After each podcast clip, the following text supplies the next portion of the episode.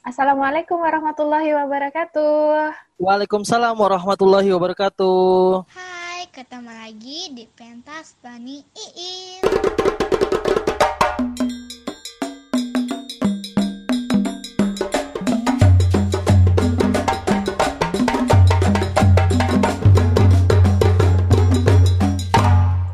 Alhamdulillah kita ketemu lagi ya. Oke, sudah hampir dua minggu ya, dua minggu. Dua minggu ya kak? Ah, ah. Eh, ini episode kedua pentas. Jadi kalau episode pertama kita, kita sudah kenalan nih satu sama lain antara saya, Kak Iis, juga kita lagi kemarin ngobrolin tentang Pancasila ya. Mm-mm, karena pas hari lahir Pancasila ya Hmm. kemarin ya. Mm, Hari lahir Pancasila, hari lahir pentas juga. ya. Nah kali ini kita ngobrolin apa Kak Iis? Eh, hari ini kita mau ngobrolin tentang isu seksi lagi nih Kak Tony tentang Mm. new normal buat ASN. Kan Wah. berhubung rata-rata kita yang bekerja ini kayaknya kemarin kan pas lagi ramai-ramainya COVID tuh pada disuruh Hmm. FH ya Kak Tony ya. Suruh Nah, diam di rumah, kerja dari rumah. Nah, ini kita udah masuk dalam fase normal baru Normal nih. Kak baru. Tony udah pada Ah. dipanggilin buat ayo masuk kerja lagi, masuk kerja lagi dengan cara Ah. yang baru. Nah, Hmm. kayaknya boleh nih juga kita sharing tentang nanti kan Kak Tony beda kantornya sama saya. Nih sama Benar, nanti benar. ada dua teman kita yang akan datang tuh beda-beda kantor. Kita Ya. pengen sharing Kak tentang cara kerja baru di kantor kita tuh sepertinya kayak gimana sih? Mm, mm, mm. Ya emang pandemi COVID ini lagi ini ya mengubah cara kita untuk bekerja penyesuaian diri baik baik kehidupan diri sendiri maupun kita kita mulai beradaptasi dengan lingkungan harus cuci tangan pakai masker kemudian kita masuk kantor juga ber, apa ada ada aturannya ya sekarang Hmm. malah saya pikir ini ya wak- eh, WFH itu sebenarnya sesuatu yang agak asing di telinga S- ASN ya PNS ini Bener Banyak- bener bener bener. PNS itu kan sebenarnya kan terikat kerja jam kerja dan kita masuk kantor asen kemudian kita duduk di kantor gitu ya. Kalau nggak duduk di kantor kalau nggak duduk di meja kantor pasti ditanyain pada ke mana? Mana ke mana nih? gitu ya. Lah ya gitu kan. Nah ini kan tantangannya sekarang WFH tuh. Siapa yang mau ngawasin kita mau lihatin kita terus mau negur kita gitu kan. Nah ini Betul, betul. tantangannya. Tantangannya teman-teman eh, ASN ini bukan cuman bukan cuman pandeminya tapi bagaimana cara bekerja yang berintegritas. Jadi pandemi ini memang mengubah ya. Jadi tiba-tiba kita eh, semuanya harus work from home. Jadi semuanya harus menyesuaikan ini. Ini tantangannya memang soal integritas gitu ya.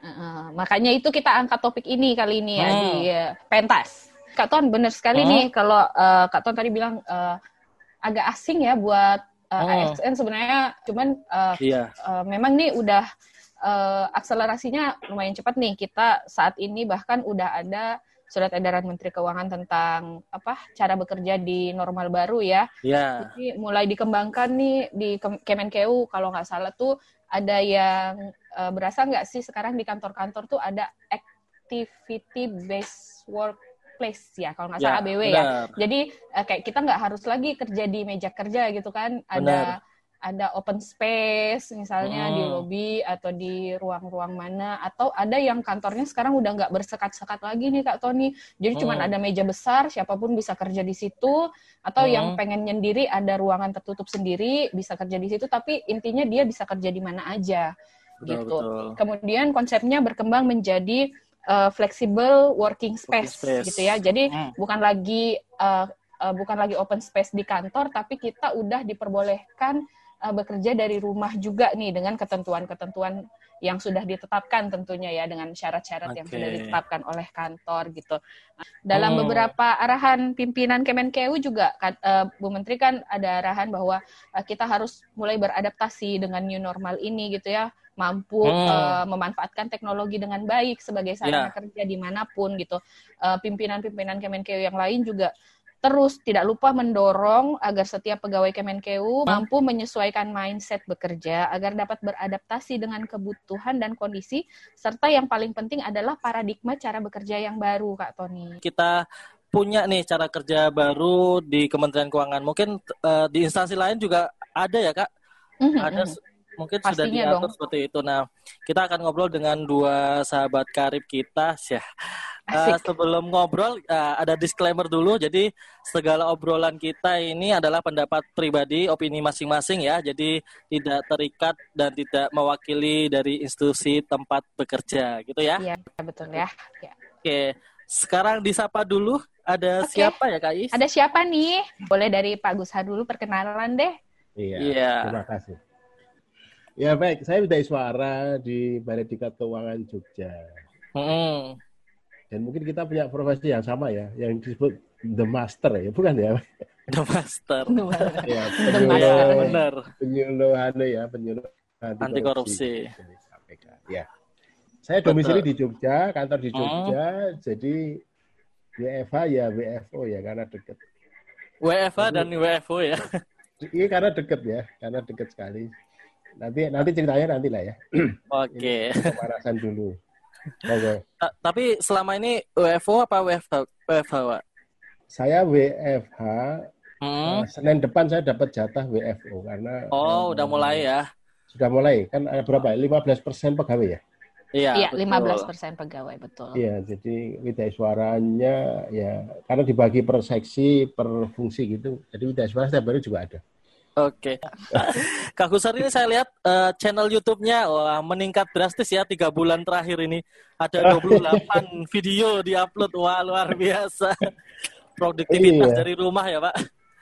Ini ini mungkin yang disebut new normal itu ya. Jadi saya bikin konten video Hmm. tahun yang lalu selama Hmm. empat tahun itu tidak sampai seribu ya, Oke. nggak sampai seribu. Tapi dua bulan WFH itu ada yang 8,9 k, Wow. Waduh. Luar biasa. Mantap sekali. ada yang 2, sekian k gitu ya. Ya ada juga yang Man. belasan sih, ada yang belasan. Cuman saya berpikir ya, kenapa tiba-tiba konten YouTube saya mel- apa, melonjak begitu? Nah, dari kontennya yang melonjak itu ternyata cara mengedit foto pakai PowerPoint. Oke. Oh, iya. iya, iya. Makanya saya menduga jangan-jangan banyak mahasiswa dikasih tugas presentasi sama dosennya gitu kan. Pengen ngedit-ngedit foto kan kalau pakai Adobe kan tidak semua bisa ya. Padahal itu ada di Photoshop. Luar Ini- biasa mendadak jadi YouTuber. prediksi. Ternyata kita ngundang YouTuber loh, Kak Tony. Oke. ya. Oke, makasih Kak Gusar. Kita beralih ke Kak Fitra. Halo Ya, Kak Fitra. Halo Kak Fitra. Halo Kak Is dan Kak Tony. Halo, Halo. Kak Gushar juga. Agak canggung ya. Canggung ya. Iya ada canggung manggil Kak Gushar gitu. Sudah Bapak Ya. aja. Bapak aja. Ya, eh, halo saya Fitra. Untuk saat ini saya bertugas di eh, KPU Bea Cukai Tanjung Priuk. Oke. Apalagi Kak Ton? Ini, KPU eh, mungkin selama- ada yang ada yang tidak tahu itu KPU itu apa? Ah, ya, KPU Oh, itu apa iya. Kak? Kantor Pelayanan Utama Bea Cukai Heeh. Tanjung Priuk. Hmm, Di Oke. pelabuhan berarti ya Di Kak Fitra ya. pelabuhan, ya betul sekali di. Pelabuhan Tanjung Priok. Nah, selama ini WFH atau WFO Kak? Kalau ya untuk saat ini yang sekarang lagi berjalan itu Hmm. eh, WFO dan WFH. Oke. Jadi jadwalnya sudah diatur selama sebulan eh, Heeh. sama teman-teman. Kemudian nanti kita ada jadwalnya, kita masuknya kapan untuk WFO-nya dan kapan untuk WFH-nya. Oh, gitu. Piket ya? Sistemnya piket berarti. Eh, ya, sistemnya piket betul. Oh, oke oke. Nah, gimana nih Kak Ton? Udah kenalan kita, terus kita mau ngajak ngobrol nih ceritanya. Eh, kami mau nanya nih soal WFH WFH. Tadi kan udah diceritain bahwa kemarin itu pas pandemi lagi eh, tinggi-tingginya penyebarannya, Hmm. eh, Kak Gushar di WF ki- di bekerjanya WFH. Terus Hmm. eh, besok akan mulai masuk piket gitu ya 15% itu. Nah, selama WFH ini ada nggak sih perubahan cara bekerja yang dirasakan gitu kan? Pertama Ya, perubahan ya, ya. cara kerjanya, terus gimana eh, Kak Gushar itu eh, bagaimana sikapnya dalam menghadapi perubahan itu? Ada kendala nggak gitu? Ya oke baik. Jadi ini ya. eh, sebenarnya kalau pekerjaan saya itu diuntungkan ya, karena Hmm. saya kan widai suara ya, Ya. widai suara. Jadi tugasnya itu mengajar, mengevaluasi dan mengembangkan. Jadi kalau Hmm. mau dising- diringkas ya mengajar, menyiapkan mengajar dan riset. Oke. meneliti. Dan semua itu bisa dilakukan dengan eh, online. Ini beberapa Betul. kali saya ngajar juga online. Kemudian saya riset juga lebih tenang di rumah ya. Karena saya ah mungkin gini. Kenapa kenapa saya bercerita begitu? Karena Hmm?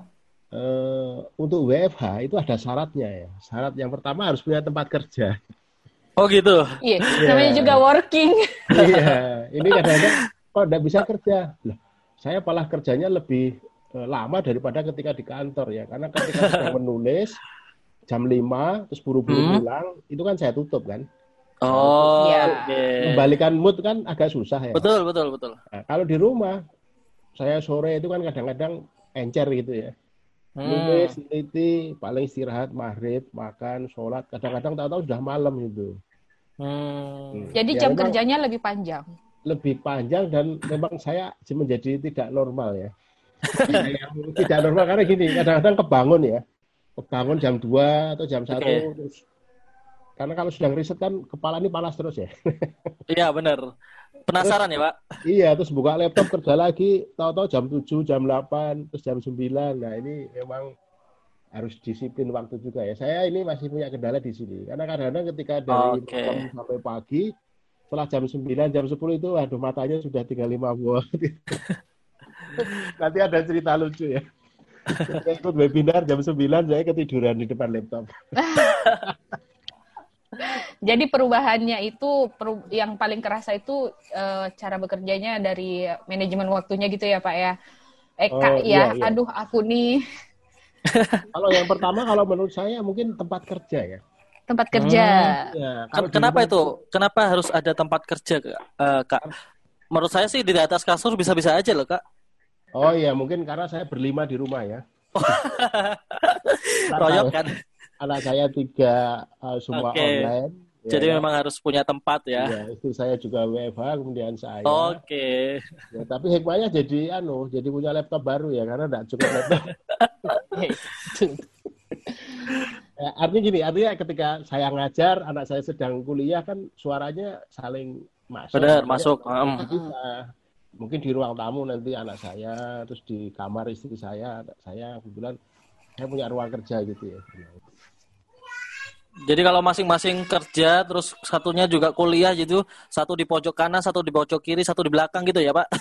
Iya, nanti kalau saya ngajar kan kadang-kadang semangat suaranya terlalu keras ya. Oh Jadi gitu. anak saya, "Shh, bapak, bapak, Oh, karena Oke. dia sedang kuliah juga gitu ya. Ya ini ini cerita. Tapi benar, jadi kadang-kadang makanya saya bilang tempatnya harus ada. Karena kalau Oke. nggak ada, Jadi diklat tetap ada ya, Pak? Ini tetap dilakukan ada. ya? tetap ada. Oh, Bahkan oke. saya pernah online itu dari jam 8 sampai jam 12 gitu ya. Jangan Wow, Wow. Ada. empat jam loh. Ya seperti tatap muka. Ya, Nanti makanya kemudian kepikiran kan, wah kalau begini terus kan mata yang tidak tahan saya. kan. Nah, itu cara mengatasinya gimana, Pak? 4 jam itu kita harus dituntut. Kalau di kelas kan kita ada ice breaking, kemudian kita bisa ngajak te- ngejak anak-anak ya, ngejak teman peserta Iya. diklat untuk ya sekadar ice breaking, gerak-gerak badan. Tapi kalau di laptop ini kan susah juga, Kak, interaksinya, Pak. Iya. Ya kalau saya memang ini belum bisa mengatur ya kadang-kadang kalau semangat itu Hmm. lewat ya tahu-tahu tengah Oh. Ya, Solusinya dikompres pakai es batu sih. es batu. Tapi gini, Dan- saya mau cerita ya, kalau di Hmm, BDK. Jogja, di BDK Jogja sebelum sebelum BFH itu kita punya namanya agen WLB itu work life balance ya. Oke. Oh, iya, iya, iya. Nah, itu Mbak Ani nanti mungkin diundang seru itu Mbak Ani. Boleh, boleh. itu dia bikin bikin rekaman gitu ya setiap jam nanti ada peringatan gitu untuk minum air putih gitu. nanti setiap Oke. setiap dua jam ada eh, s- sudah terlalu lama ada di depan komputer mari geser kursi kemudian berdiri kemudian regang ke kanan ke kiri ada instruksinya gitu Itu diumumkan di ruang-ruangan gitu, Pak ya? iya pakai apa apa namanya sound system Sound kantor ya? system. PA. Wah. Public Dan- announcement. ah gitu tapi ini di di di komputer jadi otomatis setiap Hmm. Oke. Jadi bukan manual ya. Jadi ada teman yang bikin sistem setiap anu. Nanti kalau sore ada peringatan sebentar lagi kita pulang beresin meja kerja terus apa apa apa. Wah, bagus inovasinya ya. Iya, bagus bisa bisa dicontoh ya, Pak? Keren, keren. Ceritanya Jadi jadi gitu ya eh, perubahannya tempat kerjanya berubah, jam kerjanya berubah gitu. Tantangannya karena di rumah ada lima orang, ini punya aktivitas masing-masing yang online gitu ya Pak ya, eh Kak ya. online. Iya, iya. Jadi ya itu kalau di saya gitu. Hmm.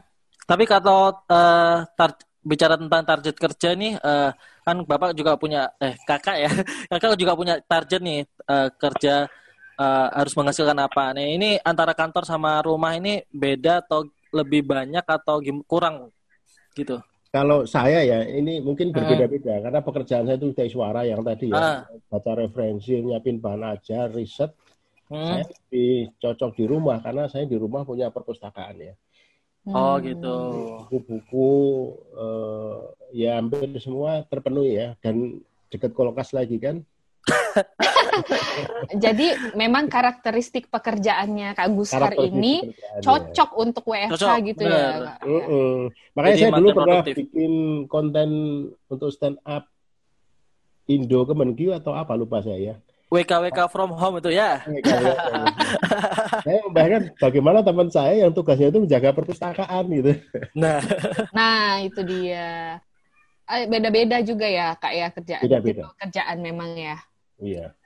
Mm-mm. Oke, itu tadi eh, Kak Gushar yang bekerjanya di rumah yang lebih ma- malah lebih produktif ya Kak Is. Ah, ah, betul betul betul. Nah, Sekarang kita ke Kak Fitra nih. Kak Fitra kan di Bea Cukai nih. Bea Cukai apalagi eh, kayaknya agak susah atau gimana ya caranya untuk mengatasi eh, pandemi ini bekerja di rumah atau bekerja di kantor atau malah ngelaut ya. Karena ada patroli laut kan ya. Nah, itu itu Betul, betul. kita nanti akan dengerin cerita dari Kak Fitra. Kak Fitra, betul betul. Gimana sekali. Kak Fitra? WFH Pertanyaannya ini? sama ya Kak Fitra, perubahan cara kerja yang dirasakan, Hmm. terus bagaimana sikap dalam menghadapinya, ada nggak tantangan atau kendalanya gitu? Oke, eh sebenarnya gini. Jadi kalau untuk kerjaanku sendiri di bagianku sendiri Hmm. ini Kak Is, Kak Son, eh, Hmm. itu berkaitan dengan eh, proses administrasi. Jadi Hmm. karena kebetulan bagiannya itu eh, berkaitan dengan dokumen-dokumen impor. Jadi Hmm. eh, perusahaan itu harus mengajukan dokumen dokumen wajib asli gitu. Nah, Asli fisik ya? adanya- ah, fisik asli fisik itu sebelum Oke. ada pandemi. Sebelum Oke. ada pandemi. Nah, eh, sebelum pandemi ini eh, prosesnya ya berjalan lancar. Cuman ketika pandemi Oke. ini eh, ada terjadi, Hmm. muncul kebijakan-kebijakan pemerintah yang selaras yang mengakibatkan bahwa proses pengajuan dokumen ini harus diajukan secara online. Nah, Oke. otomatis kan administrasi ini jadinya eh, bisa dibilang berkurang karena memang masih ada dokumen-dokumen yang eh, tidak boleh diajukan secara online, tetap harus hard copy. Jadi ada dokumen yang boleh diajukan secara online, ada dokumen yang tidak boleh diajukan secara online. Oke. Namun yang diajukan secara online itu lebih banyak memang, lebih banyak Hmm. eh, dibandingkan dengan yang tidak online. Nah, Hmm. jadi sebenarnya kalau misalnya di, in- kaitannya dengan WFO ya, WFO dan Hmm. WFA. Kalau misalnya saya WFO, maka saya menjadi produktif karena ada dokumen yang saya kerjakan, ada dokumen yang saya administrasikan. Oh gitu ya. Sedangkan job desk saya memang adalah mengadministrasikan dokumen itu. Nah, ketika Hmm. saya berada di rumah atau WFH, otomatis saya tidak menjadi tidak produktif karena saya tidak ada dokumen yang bisa saya eh, administrasikan seperti Nggak ada bahan kerjaan ya? nggak ada bahan kerjaan. itu mungkin berjalan sekitar 2-3 minggu, kemudian akhirnya mikir kan, ini gimana ya? Kayak ada perasaan bersalah juga karena kayak di rumah tuh ngapain saya? Saya jadi eh, ya mungkin enaknya adalah kita bisa berkumpul bersama keluarga, anak bisa anak. Cuman ah. kayak ada semacam beban moral gitu. Ini ini ada sesuatu yang tidak benar nih. Dan akhirnya ngobrol ngobrol sama teman-teman ini gimana ya? Karena dokumen online meningkat, otomatis kan ah. beban kerja di teman-teman bagian lain itu meningkat. Karena Meningkat, mereka ah. harus eh, melakukan eh, verifikasi dokumen udah benar atau enggak itu, sedangkan jumlah pegawainya masih sama. Nah, Hmm. di Be- Bea Cukai itu di kita di khususnya Tanjung Priok itu ada namanya BKO, Bantuan Kerja Hmm. Organisasi. Jadi walaupun kita berbeda bagian, kita bisa membantu teman kita yang lain. Oke. Nah, akhirnya eh, setelah diskusi sama beberapa teman, ternyata akhirnya eh, instruksi ke kepala seksi pada saat itu dia bilang, ya sudah kalau gitu kalian ketika WFH kalian punya tugas lain, yaitu Oke. namanya BKO itu. Kalian bertugas untuk melakukan pemeriksaan dokumen, tapi Oke. eh, prosesnya itu tidak se sebanyak teman-teman yang memang tugas fungsinya seperti itu.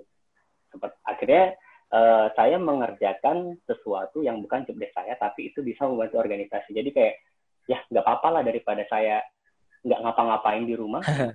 itu satu. Hmm. Terus yang kedua mungkin yang saya khawatirkan adalah hmm. karena proses pengajuan hard copy ini tetap harus disampaikan hmm. dan batas waktunya itu uh, paling cepat kalau nggak salah tuh tiga bulan. Jadi mungkin prediksi sekitar bulan uh, Agustus Juli eh Agustus awal itu mungkin dokumen akan membludak. Banyak ya. Dan hmm. pasti akan banyak. Dan yang masalahnya ada lagi adalah ketika kami masih harus WFH. Benar, benar.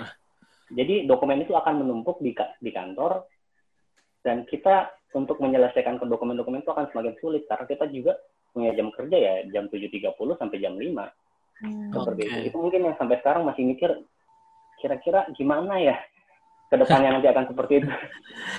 Soalnya eh, kan kalau Kak Fitra di dalam keadaan yang sebelum pandemi kan tiap hari bekerja dengan dokumen. Nah, ketika pan pandemi ini Kak Fitra hanya bekerjanya di kantor aja, tapi di Betul. di waktu di rumah Kak Fitra malah ngerjakan pekerjaan yang lain. Artinya kan ada pekerjaan Kak Fitra yang seharusnya dikerjakan di kantor pada saat itu malah tertunda ya Kak, bener ya? Betul, betul. Makanya di hari di bulan ketiga itu ya yang nanti akan ketemu semuanya dokumen betul. fisik gitu ya. Iya. Oke. Tuh. Jadi di rumah nggak ada ini ya tempat kerja khusus, kemudian perlu nyiapin laptop dan lain sebagainya gitu Kak? Kalau itu tetap di disiapin oh, karena okay. karena kan uh, seperti yang saya bilang tadi, jadi jumlah dokumen yang diajukan secara online itu akan dibagi okay. pada petugas yang lagi WFA pada saat di hari itu. Hmm. Jadi tetap jadi, harus siapin perlengkapan office di, di rumah juga. Hmm. Tetap bekerjanya tapi uh, dari job desk-nya unit seksi lain gitu ya Kak Betul. Fitra ya. Betul. Okay. Menarik ya. Jadi tadi saya yang saya tangkap ini merasa gusar ya kalau padahal benar WFH di rumah gitu ya. Tapi karena nggak ngapa-ngapain sedangkan gaji diterima terus ini wah nggak enak rasanya gitu ya. Ya ini mungkin salah satu yang mungkin bisa di di kita syukuri ya. Maksudnya teman-teman uh, kalau punya rasa syukur gitu kan bisa tahu ya mas kita punya gaji kita nggak enak kalau nggak nggak membantu pekerjaan iya. apalagi meningkatkan kinerja organisasi gitu. Betul sekali. Oh iya kak Ton. Hmm. uh, aku nih kita kelewat nih buat nanyain satu hal gitu. Okay. Kalau yang identik dengan WFH itu hmm. kan kita bareng-bareng sama keluarga. Oh ya. Gitu. Nah, eh, kecuali saya gitu. Jadi eh, tadi kayaknya Kak Fitra sama Kak Gusar nih bareng-bareng sama keluarga. Saya pengen tahu nih hmm. eh, terganggu nggak? Kadang terganggu nggak waktu pekerjaan dengan urusan keluarga gitu?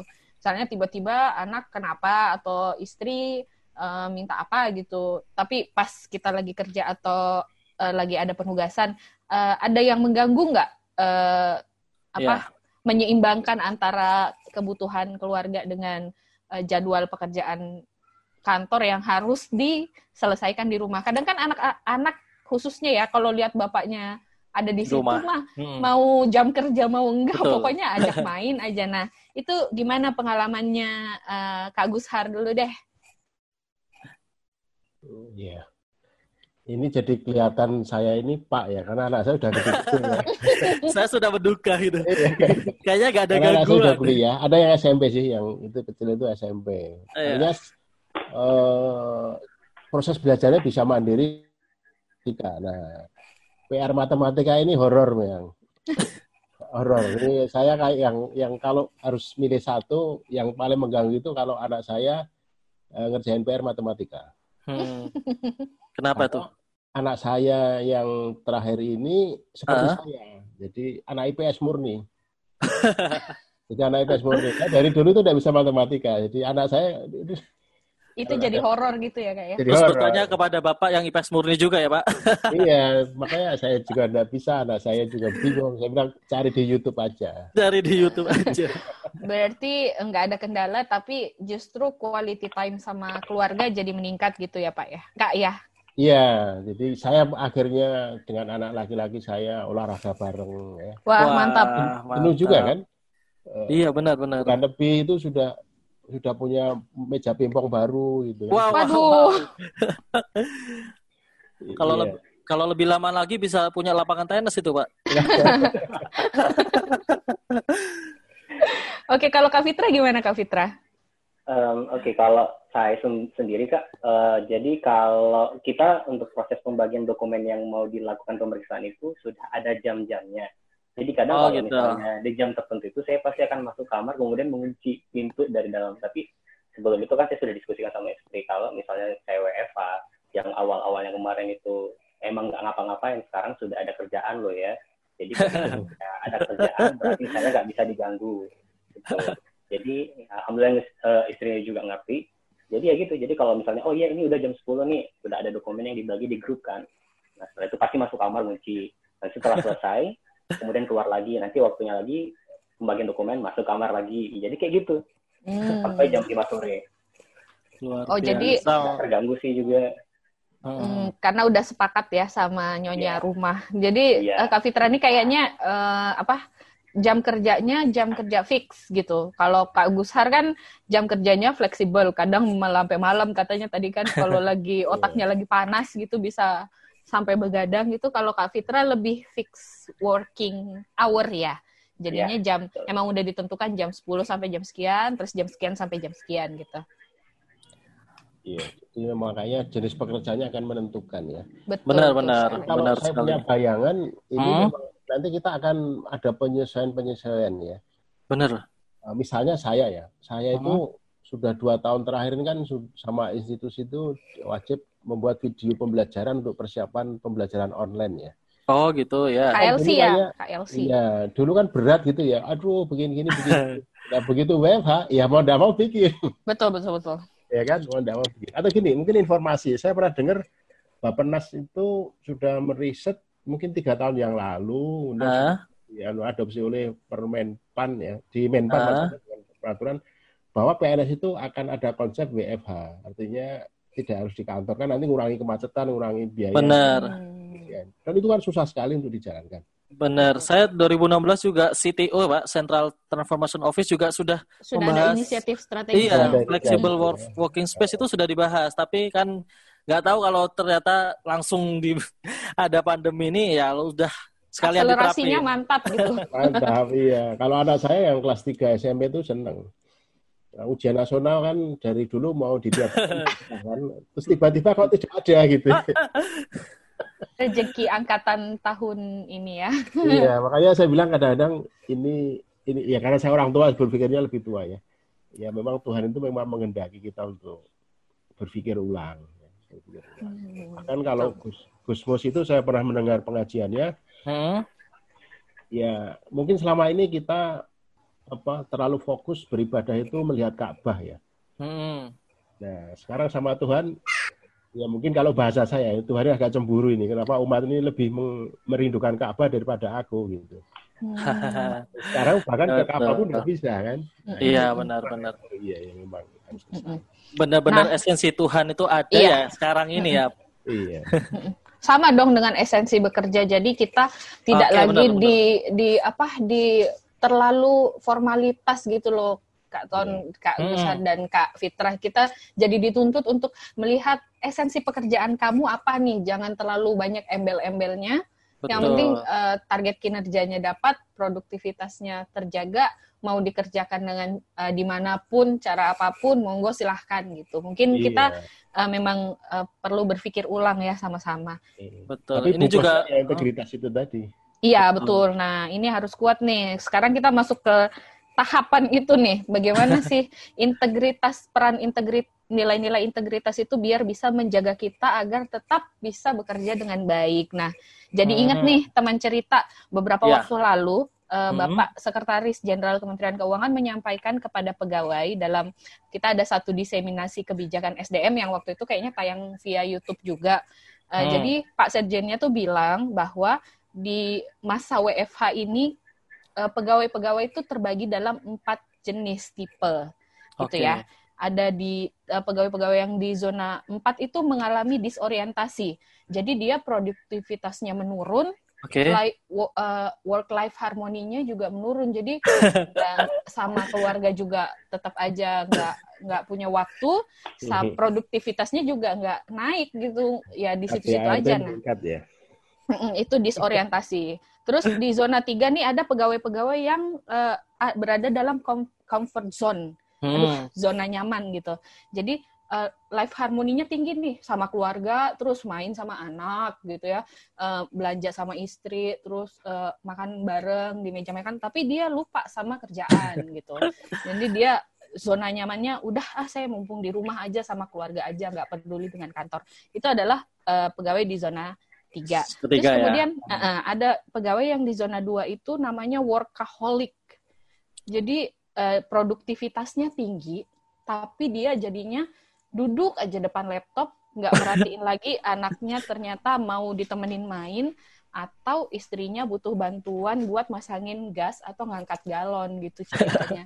Jadi ada nggak sih kita pernah lihat tuh video yang uh, bapaknya udah depan laptop ya, yang udah serius banget terus anaknya, "Pa, pa, pa, iya ntar dulu ini lagi kerja kerja aja tahu-tahu dari jam 7 pagi sampai jam 10 malam masih aja di situ." Nah, itu workaholic ceritanya katanya kalau menurut uh, zona-zonanya. Di zona pertama ada Hmm. pegawai-pegawai yang disebut shining star, bintang yang bersinar. Jadi Wah. produktivitasnya tinggi, life Hmm. harmoninya tinggi. Nah, tadi nah kita ini mengejar untuk pergi ke zona satu Zona nih, pertama Kak ya. Tony. Mm-mm, bener. Nah, ya kuncinya itu benar kata Kak Gushar tadi, kuncinya di integritas. Nah, nilai integritas ini yang nanti akan membantu kita untuk menjadi pegawai di zona satu. Kalau kita PNS yang menghadapi eh, pemikiran baru, penyesuaian baru, di mana ada nanti ada WFS apa FWS ya, FWS, kemudian ada ABW, kemudian kita juga perlu belajar teknologi ya yang Betul, betul. tadinya Kak Gushar merasa kesulitan ya bikin video, akhirnya banyak banget video yang diupload di YouTube tutorial-tutorial gitu.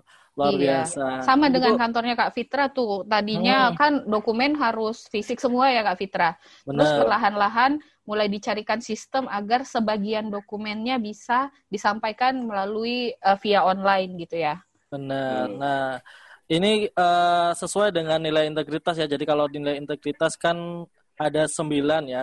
Saya coba eh, paparkan. Jadi ada sikap berani, peduli, kerja keras, jujur, adil, tanggung jawab, mandiri, disiplin, dan sederhana. Nah, sembilan, sembilan nilai itu yang nanti mungkin bisa membantu membantu ASN, membantu teman-teman PNS untuk eh, menyesuaikan diri nih menjadi PNS yang baru, PNS yang bekerja dengan di zona yang pertama untuk Ya, menjadi shining shining star. Betul sekali Kak Tony. Contoh dong Kak Tony, contoh-contoh. Kalau aku sih ngelihatnya tadi Kak Fitra kan eh, yang kayak dia jam 10 sampai jam sekian tuh kerja.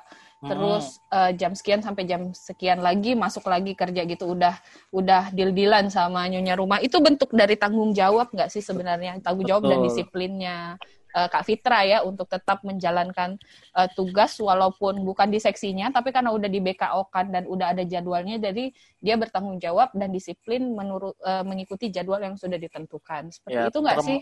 termasuk berani ya, berani meminta waktu ke istri gitu ya, ke anak untuk tolong eh, pengertian kepada saya gitu ya, untuk Iya. eh, saya bekerja gitu. Atau ada contoh yang lain Kak Gusar? Iya, eh, dari empat kuadran tadi kalau saya merasa Hmm. agak masuk sedikit ke apa tadi ya, workaholic ya, work Oh Wah. gitu. workaholic. ya. Workaholic. Workaholic, Zona kedua. Zona ketiga, ke- iya zona kedua. zona kedua ya, jadi memang harus menggeser ya karena eh, saya eh, merasa kadang-kadang kalau sedang apa encer gitu ya otak itu Hmm. eh, lupa ya. Saya jadi sadar ini karena saya lihat ke belakang anak saya main pingpong dengan tembok ya. ya saya dengan saya ya. Ya ini menyadarkan saya untuk eh, eh, otomatis. Oh iya iya. Karena memang asik ya. Ini eh, pekerjaan saya itu asik ketika Benar. apa ketika sudah asik itu susah dihentikan. Nah, itu ternyata memang tidak ini tadi ya, tidak tidak balance ya hidup saya ya. Iya, jadi kita harus adil juga nih Kak Gusar, adil dengan pekerjaan dan adil dengan keluarga seperti Adil itu. dengan diri sendiri juga ya. Iya, adil dengan diri sendiri. Iya, iya betul itu. Gitu ya, kayaknya Kak Ton eh, Iya.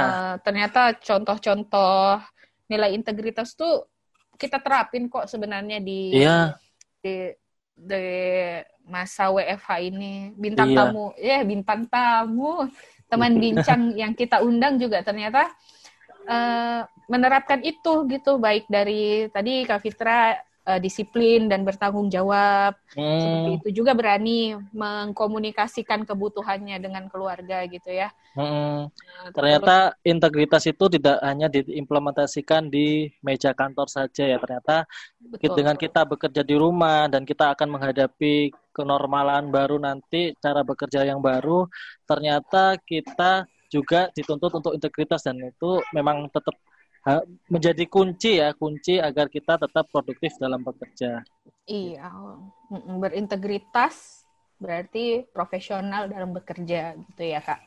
betul.